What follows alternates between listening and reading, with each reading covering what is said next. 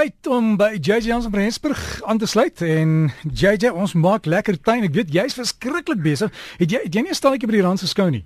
En dit ja nee dit dis net môre môre direk. Ongelooflike lekker groot stalletjie by die rand se paaskou en weet jy dit is weer soos altyd is dit 'n fees om daar te wees. Ja JJ wat ek ook vir mense sê jy weet as jy soheen toe gaan gaan groet net vir JJ en sê hi JJ ons het jou op RSG gehoor. Neem 'n foto en sit dit op Facebook en weet almal hoe lyk jy. ek het jou net nou gehoor en ek dink dit is 'n baie goeie idee. Die mense is welkom om deur te kom. Ja. Dit is eintlik ongelooflik lekker hierdie jaar. Jy weet, elke keer dan sê mense vir my, "Is dit nie moeite werd om hierdie jaar na die skou te gaan nie?" Weet jy, die skou is besig om al hoe meer interaktief te word. Hierdie jaar het hulle natuurlik uitstallings van veterankarre, daar's is uile, daar's is allerlei interessante dinge vir vir ietsie vir almal, jy weet. Maar natuurlik my hoogtepunt elke jaar waarvan is die feit dat ons daar is. is ook die weermag se uitstalling en ook die weermag se vertoning. Jy weet, dit is dis regtig is elke dis net vir die paasnaweek is dit aan hierdie eerste 4 dae van die skou. So as jy dit nou hierdie naweek gaan mis, mis jy dit heeltemal. Dis 'n helse klomp lawaai. Daar's skokgranate, daar's helikopters, daar's vegvliegtuie, maar hmm. alles gebeur in 'n arena en dit is so lekker om dit te sien. Weet jy, dit is nou regtig ietsie om te kom sien. Ja, want JJ, waar ek woon in Johannesburg, jy weet die van die vliegtuie moet daar by ons verbyry so om 'n koppie. En jy kan sien hulle kom 'n gelag daaroor en dan skrik jy, maar dis dis trots Suid-Afrikaans. Hulle het almal ons landsvlag op en jy jy weet waar gaan leen. Maar JJ is ook daar, maar JJ is ook hier op RSG om nou saam met ons tuin te maak. En JJ iemand vra, hulle het ervaring wat ek dink al die 20 jaar in 'n pot is, wanneer moet jy hom oorplant? Ek self het my ouma se ou ervaring en ek dink hy's ook al 20 jaar in 'n pot, maar hy groei nog.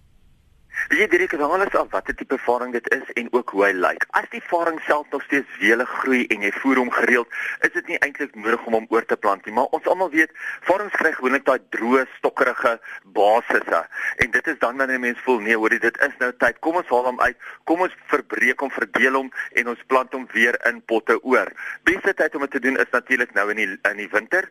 So ja, ek weet ons gaan in die winter in en word al lekker lekker koel, cool, maar onthou as jy dit binne in die huis het, dan kan jy amper enige tyd van die jaar doen. So kom ons sê as dit 'n buitensyse ervaring is, doen dit nou in die wintermaande, breek hom op, sny baie van daai dooie hout uit, gebruik baie palmveen as jy hom weer plant. So gebruik vir jou 'n professionele pot, potgrondmengsel wat klaar die veen bevat of vat gewone potgrond en meng veen in by hom, want die veen hou lekker baie water terug en ons almal weet dis wat varings van hou en dan moet jy onthou om ook te voer. Gebruik ietsie wat hoog is in stikstof. Ietsie soos byvoorbeeld 'n 713, 'n 515, enige van daai wat lekker hoog is in stikstof, hy kan dan vir jou jou plante voer. JJ dan hierdie tyd van die jaar, die blare val, daar's klomp dinge wat ons in die tuin kan doen. Baie mense sê neem as jou rustyd. Daar's hy nee definitief. Dit dit vir ons selfe meer rustyd te wees. Maar weet jy daar's ook 'n paar goedjies wat as jy dit nou gaan doen nie, gaan jy heeltemal uitmis. En een van hulle is natuurlik om harde uitsteggies te maak van jou bladwisselende plante. Ek het al daaroor gepraat, ek noem dit weer want dit is nou die regte tyd om dit te doen.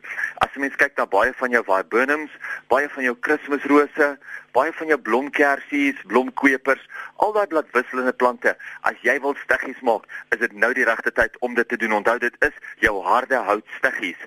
So jy volg dieselfde prinsip in basis as wat jy sou gevolg het met jou gewone sagthoutsteggies, maar dit word nou net gedoen sonder dat daar enige blare aan die plant self is. Nou moet ons ook ons besproeiing reg aanpas. Onthou, dit word al klaar lekker koel cool, en as jy nou nog steeds jou tuine in die middag genat maak of baie vroeg in die oggend gaan nat maak, gaan jy eintlik jou tuine laat vries. Gaan jy hulle te koud laat kry, te veel koue skade laat opdoen.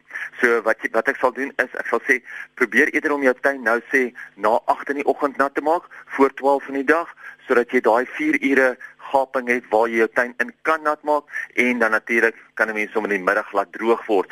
Maak ook jou benatting baie minder, maak jou water baie minder, maar moenie ophou water gooi nie.